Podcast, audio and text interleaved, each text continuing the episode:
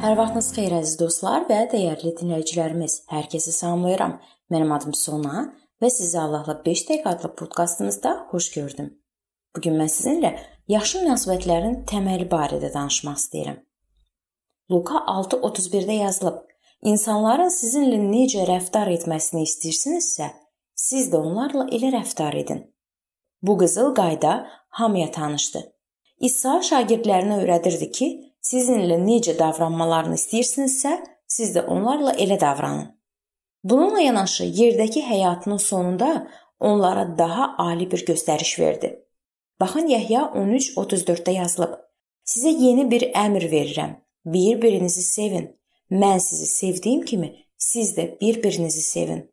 İsa onlara, həmçinin bu gün bizə çağırış edir ki, bir-birinizi yenidən doğulmadan malik ola bilməyəcəyimiz ilahi bir sevgi ilə sevin.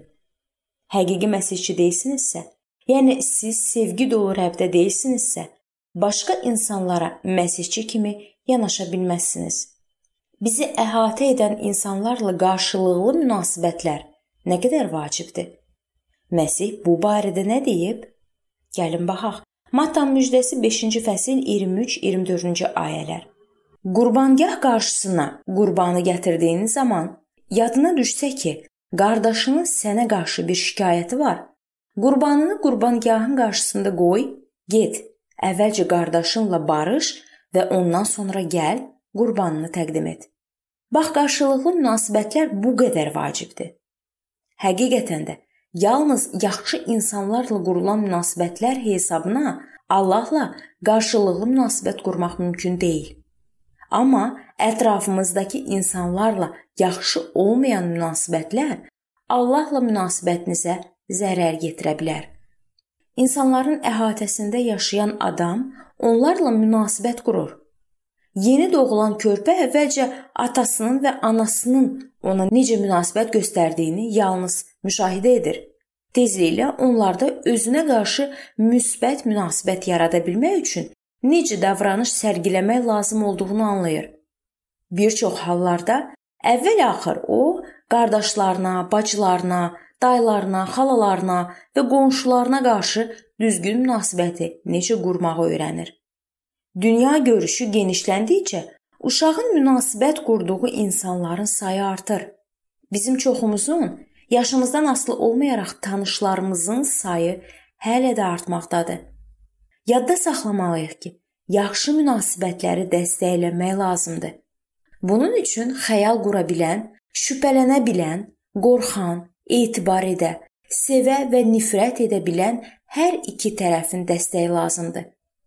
Bundan əlavə, çox vaxt bu qarşılıqlı münasibətlərin qorunması, dayandırılması və ya tamamilə kəsilməsi məhz bizdən asılıdır. Yaxşı münasibətlər kəsiləndə Biz adətən qarşı tərəfi günahlandırmağa meyllik. Ola bilsin ki, günahkar biz deyilik, amma öz məsuliyyətimizə göz yuma bilmərik. Unutmamalıyıq ki, Romalılara 12-ci fəsil 18-ci ayədə yazılıb: imkan daxilində bacardıqca bütün adamlarla sülh içində yaşamalıyıq. Qarşılıqlı münasibətlərin vacibliyini unutmamaq şərti ilə pis münasibətlərin vaxtında kəsilməsini nəzərdən qaçırmamalıyıq. Günahkar Allaha dönmək qərarına gəlirsə, bütün köhnə əlaqələrindən tamamilə imtina etməli və Allahın xalqı ilə yeni münasibətlər qurmalıdır. Hətta köhnə tanışlar dindar olsalar da, onlarla münasibətlərin faydalı və ya ziyanlı olduğuna qərar verməliyik. Bu məqamda ehtiyatlı olmalıyıq. Çünki İsa təlim edirdi. Matta müjdəsi 7-ci fəsil 1-ci ayədə. Mühakimə etməyin ki, siz də mühakimə olunmayasınız. Bununla belə elə həmin fəsildə o xəbərdarlıq edir. 15-ci, 16-cı ayələr. Yalançı peyğəmbərlərdən özünüzü gözləyin. Onları bəhrələrindən tanıyacaqsınız. Bu ondan xəbər verir ki, biz həqiqi olanı saxtadan ayırmağı bacarmalı, düzgün seçim etməliyik. Bu mövzunun davamı isə biz növbəti görüşümüzdə araşdıracağıq.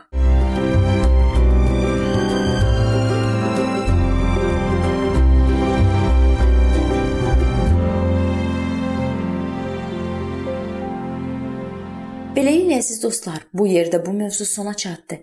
Hər zaman olduğu kimi sizi dəvət edirəm ki, bizim podkastlarımızı Facebook səhifəmizdən və YouTube kanalımızdan dinləməyə davam eləyəsiniz. İndi isə mən sizinlə sağollaşıram və növbəti görüşlərdə görməyi ümid ilə. Sağ olun, salamat qalın.